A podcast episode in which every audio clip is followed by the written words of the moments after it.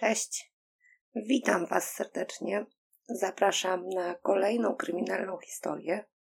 Dziś e, będzie sprawa ze Stanów. Wiem, że część z Was lubi sprawy z tej części świata, inni już czują zmęczenie materiału. Jednak zdecydowałam Wam się opowiedzieć o tej krótkiej sprawie, bo jest zwyczajnie dla mnie interesująca. Powiemy sobie dzisiaj o Gail Shepard. Kobieta mieszkała w Idaho, w Moskwu i spędziła tam całe swoje życie. Chodziła tam do szkoły, wyszła tam za mąż i prowadziła tam firmę zajmującą się przetwórstwem mlecznym. 27-latka radziła sobie dobrze w biznesie.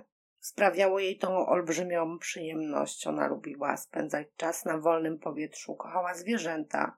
Jej związek z Kenem był raczej udany.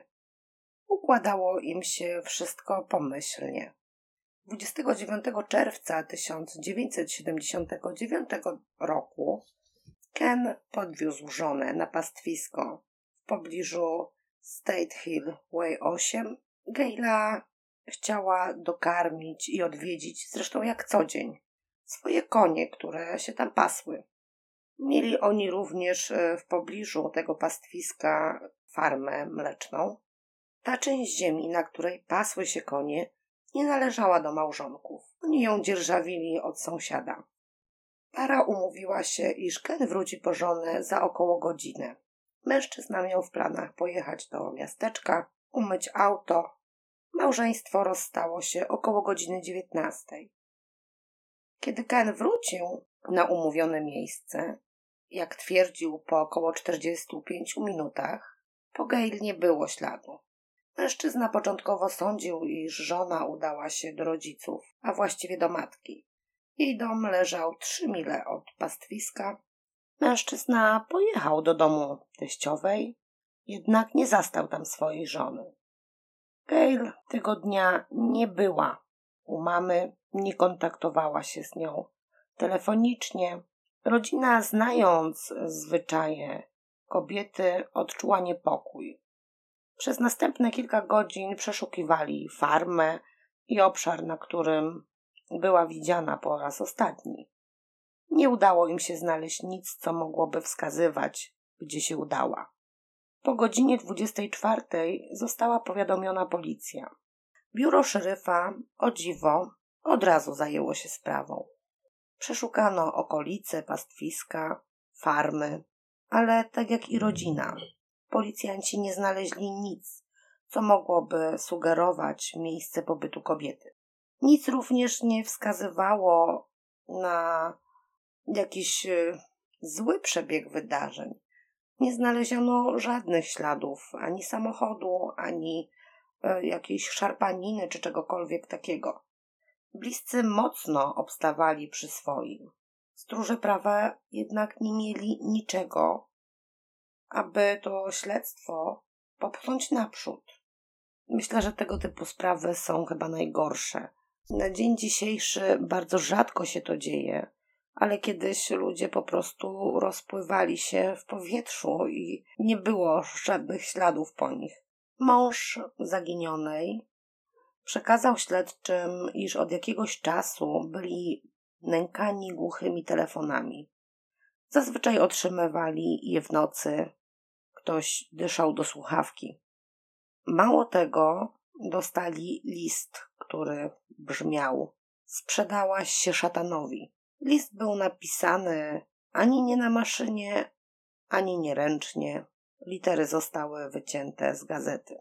Gail była bardzo zaniepokojona tym, co się wokół nich działo, jednak nie wiedziała, kto mógłby darzyć ich niechęcią i robić takie rzeczy. Standardowo śledczy, kiedy upewnili się, iż Gail nie miała powodów do ucieczki i nie leżało w jej naturze po prostu przepaść bez śladu. Obiektem zainteresowania śledczych stał się Ken. Był tak naprawdę jedyną osobą podejrzaną w tej sprawie.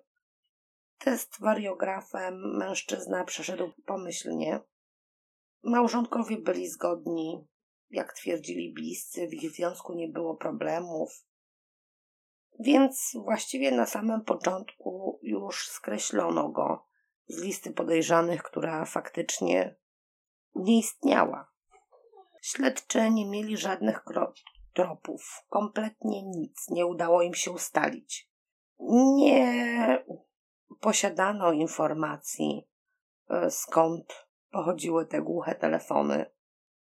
W sprawę zaangażowano nawet Jasnowickę, lecz i ta alternatywa nic nie wniosła. Często w sprawach zaginięć jest masa telefonów na policję, że gdzieś ktoś kogoś widział. Tu zdaje się, że nie było nic takiego. Gejla miała około 170 cm wzrostu, niebieskie oczy, blond włosy. Była atrakcyjną kobietą. Ponieważ łąka, na której ostatni raz była widziana kobieta, znajdowała się tuż obok autostrady, podejrzewano, że mogła rzucić się komuś w oczy i zostać uprowadzona. Tym bardziej, że miała w zwyczaju na tym pastwisku bywać codziennie, więc jeśli ktoś się nią zainteresował i postanowił ją obserwować, to zdawał sobie sprawę z tego, że ona pojawia się przy swoich koniach dzień ko dnia. Sporo różnych organizacji, instytucji było zaangażowanych w poszukiwanie młodej kobiety. Jednak z braku jakichkolwiek śladów sprawa stała w miejscu. Wyznaczono nagrodę. Nie przyniosło to jednak pożądanego efektu. Koni mama Gail na około dwa miesiące po zaginięciu córki zgłosiła śledczym, iż otrzymuje głuche, chociaż właściwie nie głuche telefony. Otrzymuje telefony, gdzie, jak jej się wydaje, jej córka prosi ją o pomoc. To są bardzo krótkie, kilkusekundowe połączenia i koń nie ma możliwości zadania żadnego pytania, porozmawiania z córką. To brzmi na zasadzie tylko pomóż mi, pomóż mi. No i w domu mamy Gail założono aparaturę, która miała nagrywać te rozmowy. Telefony jednak ustały. Policja nie była pewna, czy faktycznie do domu matki dzwoni zaginiona kobieta. Mieli gdzieś tam z tyłu głowy, iż może to być głupi żart. W roku 1980 śledztwo zostało zawieszone. Brakowało podejrzanych, tropów, śladów, no kompletnie nie było nic. Kobieta rozpłynęła się w powietrzu. Prawie po 15 latach od zaginięcia Gail sprawa znów trafiła na biurka śledczych oraz na stronę gazet. Wszystko za sprawą sąsiada, który miał posiadłość tuż obok farmy Kena i Gale i był właścicielem tego pastwiska, na, których, na którym pasły się ich konie.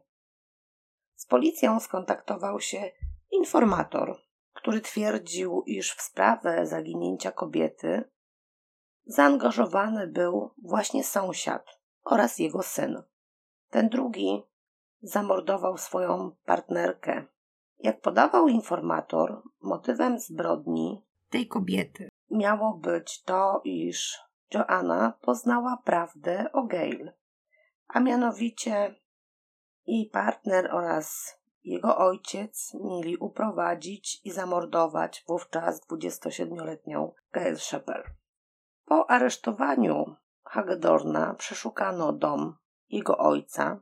Znaleziono tam nielegalną broń, więc i senior został aresztowany. Śledczy przystąpili do przeszukań działki należącej do seniora, która leżała właśnie w pobliżu farmy. Mimo licznych doniesień, iż właściciele używali na swojej parceli ciężkiego sprzętu i zakopywali tam różne rzeczy, od śmieci po samochody. Śledczym nie udało się odnaleźć ani ciała, ani żadnych rzeczy należących do Gailey. Pojawiły się krótkie wzmianki o tym, że zabezpieczono tam jakieś kości i zostały one wysłane do analizy. Jednak wyników nie było, więc podejrzewam, że zwyczajnie nie należały one do człowieka. Młodszy z mężczyzn był znany. stróżom prawa i miejscowym. Lubił sobie wypić, miał nawet chyba z tym problem. Pałał agresją do kobiet, był napastliwy. Dochodziło nawet do rękoczynów. To nie czyniło go jednak mordercą Gail, jedynie mordercą Joan. Śledczy twierdzili, że podczas przesłuchania prawie pękł, lecz w pewnym momencie zamknął się w sobie i zakończył rozmowę, mówiąc mniej więcej, że nie chce zaszkodzić ojcu. Żadnemu z panów nie udało się udowodnić, iż mieli jakikolwiek związek z zaginięciem Gail. Jej sprawa do dnia dzisiejszego zostaje nierozwiązana. I chyba powinnam powiedzieć o tym, że pojawiały się takie głosy, iż y, faktycznie właściciel pastwiska uprowadził Gail, a następnie ją zamordował. Jednak to tylko pogłoski i nie wiadomo skąd one się wzięły. Z drugiej strony, jak często się zdarza, że sąsiad osoby zaginionej jest mordercą. Mąż y, Gaili ułożył sobie życie. Nie jest niepokojony przez policję.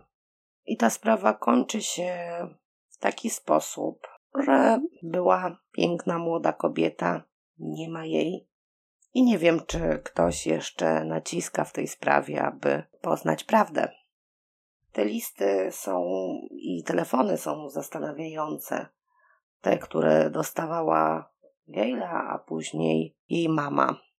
I jednych i drugich pochodzenia nigdy nie ustalono. Kochani, to tyle, co mogę Wam dzisiaj opowiedzieć. Krótko, następna sobota będzie dłuższa. Mam nadzieję, że nie zanudzę Was tam szczegółami. Także trzymajcie się, cześć. Dziękuję za wspólnie spędzony czas.